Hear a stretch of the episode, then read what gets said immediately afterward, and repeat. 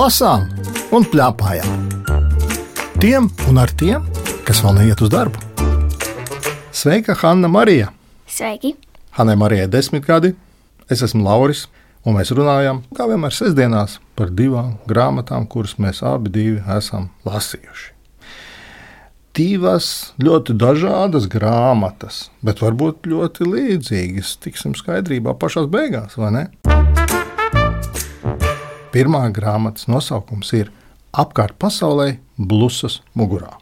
Tās autors ir Zigmunds Bekmanis, un to ir ilustrējuši Jūrmālas mākslas skolas audzēkņi. Vai tu pamanīji? Jā, es arī pamanīju arī tos zīmējumus. Es nevarēju saprast, kas ir tos ilustrējis, un tad es sapratu, ka tie ir arī bērni. Tev patika? Jā, ļoti. Man arī šie zīmējumi ļoti, ļoti patika un ļoti atbilstoši. Un galvenais, ka viņi ir dažādi bērni ilustrējuši. Jā, tas man likās ļoti forši. Tas ir pirmais, ko mēs ieraugām šajā grāmatā. Tad es nolasīšu no aizmugures vāka, par ko tā grāmata ir, lai mūsu klausītāji aptuveni zinātu, par ko mēs runājam. Kad sunenīte Heidi atnes mājās blusu, piecus gadus vecā sonora dodas neticamā piedzīvojumā. Kopā ar mazo, bet stipro blusu viņi nokļūst gan uz mēnesi, kur satiek pētnieku robotu mēnesi zaķi, gan savā vārdā nosauktajā tūkstnesī Ziemeļamerikā un pat Antarktīdā, lai kopā ar jūrniekiem un profesoru Karlsonu iepazītu pingvīnus. Un tad beidzamā rinda šeit ir, un ar to ceļojums vēl nav galā. Haha! Kā tev patīk ceļot kopā ar meiteni, kuras vārds ir Sonora? Nu, man ļoti patika. Viņa bija ļoti daudzās dažādās vietās, arī diezgan slavenās vietās pie tiem pingvīniem. Arī, jā, bija ļoti labi un forši. Saki, lūdzu, tu par visām tām vietām, kur sonora ar blusu nokļūst, vai tu biji kaut ko jau zinājusi par tām vietām? Jā, es biju zinājusi. Es biju zinājusi par Austrāliju. Tā. Jā, es biju par viņām dzirdējusi. Un kaut kas pārsteidza? Nu, mani pārsteidza, ka viņas tas vārdā nosauktais tūkstnesis bija. Un tu pēc tam paskatījies, ir tāds tūkstnesis? Nē, neskatījos. Es paskatījos, ir tāds tūkstnesis Ziemeļamerikā, tiešām sonoras tūkstnesis. Un tas ir tieši tāds, kādu apraksta šeit. Sonori to, ko viņa ap divu blusu redz. Kas vēl to pārsteidz šajā grāmatā? Mani pārsteidza, ka tad, kad viņa kāpītajai busē mugurā, viņa paliek maziņa. Nu, jā. Es tieši to arī domāju. Tu pat mm -hmm. gribēdams viņai nevarētu uzsēsties mugurā. Ja kāds vispār redzējis blūzu, jo viņi ir tik maziņi, ka varbūt pat vispār lāk redzēt. Baigās pasakas, nē? Vai arī Jā. tagad vajadzētu laikam meklēt kādu blūzu un mēģināt uzsēsties, varbūt izdodas. nē, nu var jau mēģināt. Mēģināt var vienmēr. Man pārsteidza, ka viņi aizbrauc visumā. Ko tu saki par visumu? Viņi nokļuva visumā. Tu iedomāties, vari visumu? Mm, nē, nevaru. Bet šeit bija aprakstīts, kur viņi ir visumā. Un ka visumā viņi elpo. Tas bija mm, pilnīgi pārsteidzoši, ka viņi varēja elpot un vēl, vēl ar to blūzu uzlikt. Nu, jā. Bet beig beigās tas bija vietā. Jā. Nu, re, Tas arī bija jāpierāda. Man ir tāds jautājums. Es lasīju, lasīju to grāmatu, un tad es sev jautāju tādu jautājumu. Hmm, viņa ir Amerikā, viņa ir Austrālijā, viņa vēl tur ir pie pingvīniem, un vēl šur tur un tā. Kādā valodā viņi sarunājās ar tiem cilvēkiem, ko viņi sastopas? Jā, tas arī bija dīvaini, jo es nesapratu, varbūt tie cilvēki kaut kā pēkšņi māca latviešu valodā, vai viņi runā angļu valodā ar viņiem. Es to arī nesapratu. Bet te ir forši, vai ne? Ka viņi var visur sarunāties. Jā. Kādu gabaliņu tu mums nolasītu no grāmatas? Jūs jau augšā, Rebekas mamma pavēra guļamistabas durvis. Nu tad nāciet brokastīs. Esmu izcepusi pankūkas ar sieru. Ienākusi virtuvē, Sanora pamanīja, ka aina aiz loga ir mainījusies. Zālēnais lauks līdzās skrejceļam pilns ar automašīnām un dīvainām piekabēm, bet prērijā aiz garās sarkanās mājas, ko Rebeka bija nosaukusi par kūti, auļoja desmitiem zirgu. Uh, kāpēc tev šis gabaliņš šķita interesants? Pirmkārt, man ļoti uzdina apetīti tās pankūkas ar sieru. man uzreiz tas gabaliņš vienmēr, tad, kad es iedomājos par šo grāmatu, viņš uzreiz atcaucas atmiņā un vēl par tiem pārsteigumiem aiz loga. Tur bija prērija. Tu zini, kas ir prērija? Um, nē, Laikam tas ir tāds liels tā kā pustuksnesis. Tāds samērā karsta vieta. Tev patīk ar te zirgu visticamāk. jā, Tu esi jājusi uz zirgu. Um, jā. Tā ir. Nu, diezgan forši. Tu esi tādā paaugstinājumā, un vēl tas paaugstinājums kustās. Saki, tu esi dzirdējis tādu rakstnieci Astrīdu Lingrēnu? Jā, Vai tu esi lasījusi Karlsons, kas dzīvo uz jumta? jā. Vai tu vari divos vārdos pateikt, kas viņš tāds ir? Viņu sauc Karlsons, un viņš dzīvo uz jumta, un um, viņam ir uh, pie muguras ir piestiprināts propelleris, un um, viņš ir draugos ar brālīti. Nu, re, un viņš dzīvo Stokholmā uz vienas mājas jumta, viņam ir vēl mazāka mājiņa, tas Karlsons.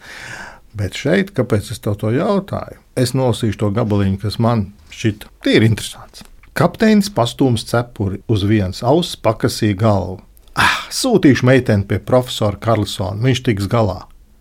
Pie Karlsona? Vai viņa nebija pārklausījusies? Tas atgādināja pasaku, un sonori jau iztēlē sāk lodāt pa jumtiem. Lidošana ar blusu nevarēja salīdzināt ar pasaulē vislabāko Karlsonu. Tā tas ir Lingrēnas stāstā, vai ne? Bet pavisam drīz viņa gaidīja vilšanās. Profesoram Karlsonam nebija nevis mazākās līdzības ar to mazliet apaļīgo, draiskulīgo vīrieli, kas prata tik veikli lidot un taisīt visādas everģēlības. Viņš bija garš, kalns, stips ar brillēm un pašķidriem, pāri plikajam galvasvidum, pārsukātiem matiem un pogu uz vēdera arī nemanīja. Bet varbūt tā bija paslēpta kaut kur zem drēbēm, domāja Sonora, un vaicāja, kur ir tavs propellers? Propellers, profesors izbrīnīts pārjautāja, un mirkli vēlāk sāk sirsnīgi smieties. Vai šis? Viņš pagriezis muguru, apļoja roku un klusi iedocās. Sonora pamāja. Un tālāk es lieku trīs punktus, jālasa pašam tālāk. Bet vienalga profesors Karlsons bija interesants, vai ne? Jā, Tas arī bija vesels ceļojums ar viņu. Kopā. Mm -hmm. Kā bija, vai tad, kad sāka jau iet uz beigām tā grāmata, vai gribējās vēl paceļot tālāk, vai pietika? Jā man gribējās uzzināt, kur viņa vēl var paceļot un izceļot. Kur tu gribētu, lai viņi paceļo? Nu, es, es labāk gribētu, lai tas ir pārsteigums. Un, ja tu pati rakstītu tādu grāmatu par to, kā viena meitene ceļo, ar ko tu gribētu pārsteigt savus lasītājus? Nu, es gribētu, lai viņa paceļo pa, piemēram, džungļiem vai kaut kā zemūdenē tiek. Kur vēl? Um, nu, varbūt kaut kā par debesīm paceļo. Bet ne līdz visumam. Jā, Tur, tur, tur kur vēl ir mākoņi. kā domā, var sēdēt uz mākoņiem, Nu, varbūt var. bet vajadzētu pārbaudīt. Es jau neesmu izmēģinājusi. Bet tu varētu uzrakstīt stāstu par to, kā viena meitene vārdā Hanna Marija ceļo uz mākoņiem, pamēģināt, vai var apsēsties uz tā malas. Jā, kāpēc gan ne? Paldies! Interesanti. Ko tavs tētis saka par šo grāmatu? Es nonācu pie tāda secinājuma, ka katrai paudzei un katrai tautai vajadzīgs savs Nils Holgersona brīnišķīgais ceļojums. Un uh, kaut kā tas ir laikam par to, ka manā bērnībā tā bija klasika, zviedru klasika, šie ceļojumi, bet uh, nu, tas arhetips laikam ir ārprātīgi būtisks. Un tas ir par to ceļošanu, došanos vienam pašam kaut kur.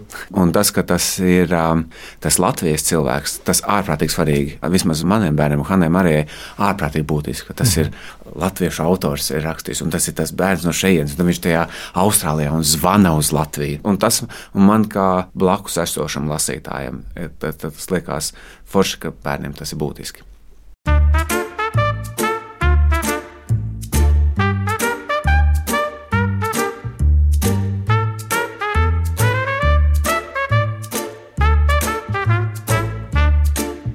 Lasām un plēpājām. Tiem un ar tiem, kas vēl neiet uz darbu. Runājam par otru grāmatu ar Hannu Mariju. Otra grāmata - pasakas. Tad tas šķita garlaicīgs nosaukums. Um, nē, man tieši šī grāmata interesēja ļoti, jo man patīk vienkārši tādi īsi, īsi stāstīņi un pasakas. Man ļoti patīk tādas pasakas. Jā? Jā. Tu esi daudz lasījusi pasakas, vai tev lasīts priekšā ir? Nu, gan lasīts priekšā, gan es pati ļoti daudz lasu. Tad šī grāmata ir nokļuvusi pie īstā cilvēka. Bet šīs pasakas ir sarakstījis armēņu autors Hovanes Tumaņāns. Tā kā tas ir nu, tā kā autora rakstīts pasakas. Saki, kā atšķirās autora rakstīts pasakas no tām, ko mēs saucam par tautas pasakām? Tu zini, kāda atšķirība ir? Nu, autors viņas ir izdomājis, bet tās, kas ir no tautas, tās vienkārši ir kaut kur sen, sen atpakaļ, kāds ir kaut ko stāstījis. Tad otrs cilvēks ir to klausījies, un viņš stāsta nākošajam cilvēkam, bet viņš jau ir kaut ko piedomājis klāt. Tad nākošais, tad nākošais un tā tālāk. Kamēr tu iznāk, pasaku, pasaku, pasaka, pasaka. Jā, Un saki, tu lasīji šīs pasakas. Tev nešķita, ka tu kaut kur citās pasakās esi to lasījusi vai dzirdējusi. Nu man bija šķita kaut kādas tādas dzirdētas mazliet. Tāpēc varbūt jau arī šis autors ir nosaucis stāstīņus par pasakām. Jo viņš ir ņēmis droši vien no arī tautas pasakām, armēņu tautas pasakām kaut ko. Bet pats interesantākais laikam ir tas, ka arī latviešu tautas pasakās ir daudz kas no tā, kas ir šajās armēņu pasakās. To tu pamanīji? Jā, Mēs parunāsim par dažām, droši vien atpazīsim. Ko pats autors saka? Autors esot teicis tā, ka prasme ir pašā stāstīšanā. Jāzina, ko mainīt, ko atmest, ko paturēt, kādā valodā, stilā un kā stāstīt, lai iznāktu skaisti un nezaudētu tautisko garšu un smaržu. Ko tas nozīmē tautisko? Kā tev šķiet? tieši to, ka tu nevis tur pats kaut ko nezinu, izdomā, kaut vai kaut kādu brīnumainu būtni, bet ka nu, tas tomēr ir saistīts ar tavu tautu. Nu, Ja, piemēram, vai tautai garšo, nezinu, pankūkas, tad tu droši vien tur liksi pankūkas, nevis puturu. Un eh, tu jūti šajā grāmatā, ka te ir armēņu tauta. Jā, mazliet. Es tam nolasīšu vienu gabaliņu no vienas pasakas, un man šķiet, tas ir samērā interesants. Šīs pasakas nosaukums ir dzīvotājiem dzīves nebeidzas. Atcerieties tādu pasaku. Jā, Tur, kur visu laiku viņš dzīvo. Jā, jā, jā. Man viņa ļoti patīk, vai ne? Viņa ir gara, mēs te nevaram viņu. Bet Vienam cilvēkam viņam visādi traucē. Viņš vienalga saka, nē, vajag forši ir visu laiku būt jautram. Varbūt tas atšķirās no latviešiem. nu kā kurš latvietis? Mēs esam tikpat jautri kā šajā pasakā. Es domāju, ka jā. Izsenis Bagdādē valdīja kalifs Hāruns Al-Rašīds. Pārģērbies nabaga drēbēs, viņš mēģināja staigāt apkārt, lai uzzinātu, kas viņa galvaspilsētā notiek. Kādu nakti pārģērbies par dervišu, un apakšā ir atsauce, kur rakstīts: Dervišs tas ir musulmaņu ubagotāju mūks. Iet viņš pa nomaļu ielu. No viena trūcīga nama atskan dziesmas un mūzika. Apstājies, kalifs, brīdi, padomā, padomā un zina, kā ar zīds dodas namā iekšā. Iegājis atrod mājā tikai kailas sienas, bet uz paklāja pavārdi priekšā sēž pats mājas saimnieks un spēlmaņi.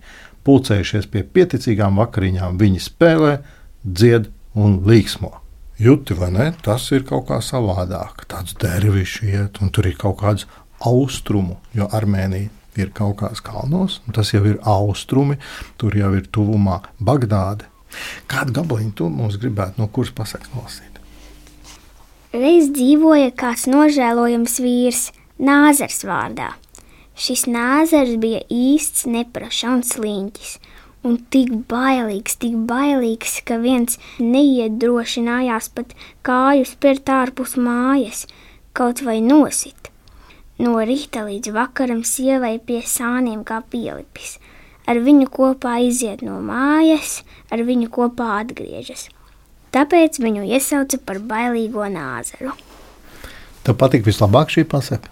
Jā, Jo viņa bija tāda um, gara un um, bija tik smieklīgi, uh, ka viņš ir tāds bailīgs, bet uh, viņu tā kā visi uztvēra par uh, tādu drošu sirdi, jo viņam tās situācijas sanāca tik veiksmīgi, kad tad uh, viņš ieguva tādu arī nosaukumu sev.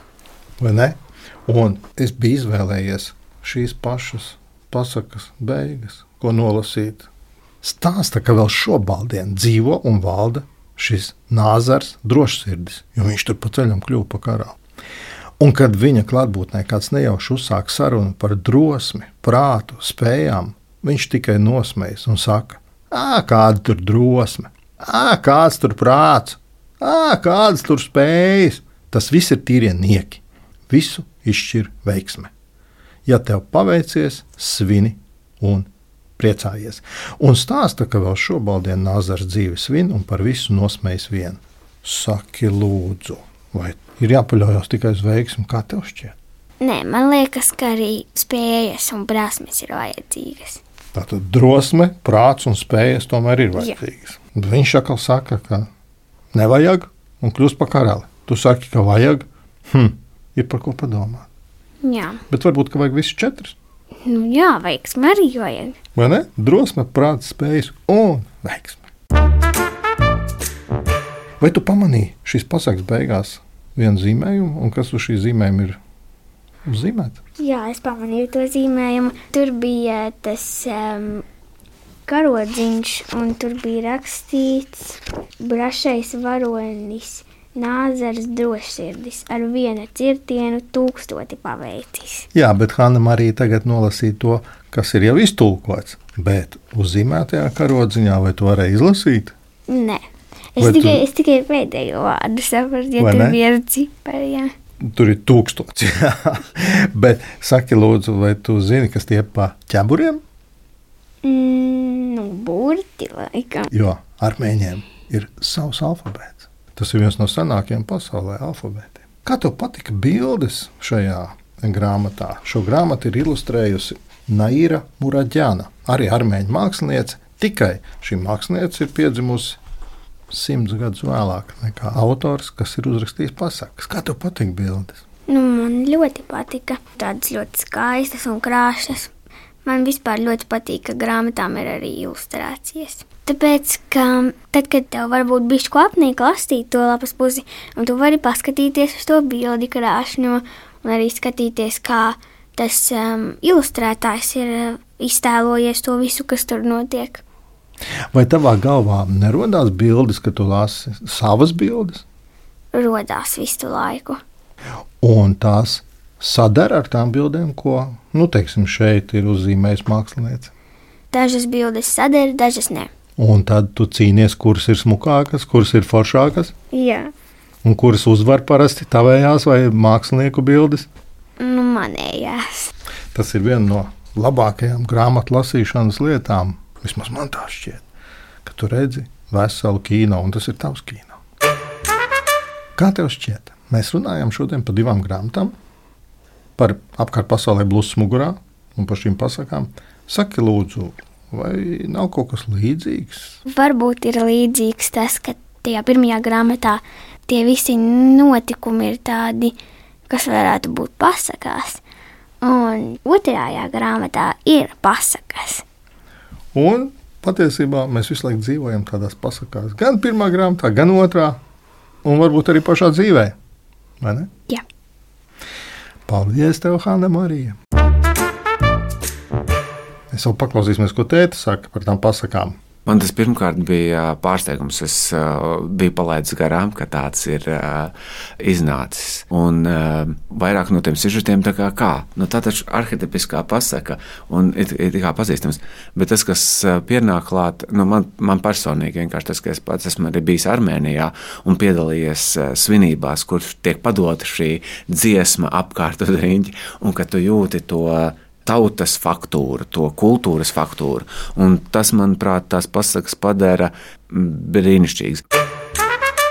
Ar Hannu Mariju runājās Lauris Gundars, raidījuma redaktore Agita Bērziņa, skaņu režisori Valdis Raitums un Elizabete Šveicānova. Raidījumu vēlreiz var noklausīties Latvijas Rādio viens jaunajā lietotnē, arī mājaslapā un arhīvā. Tiekamies!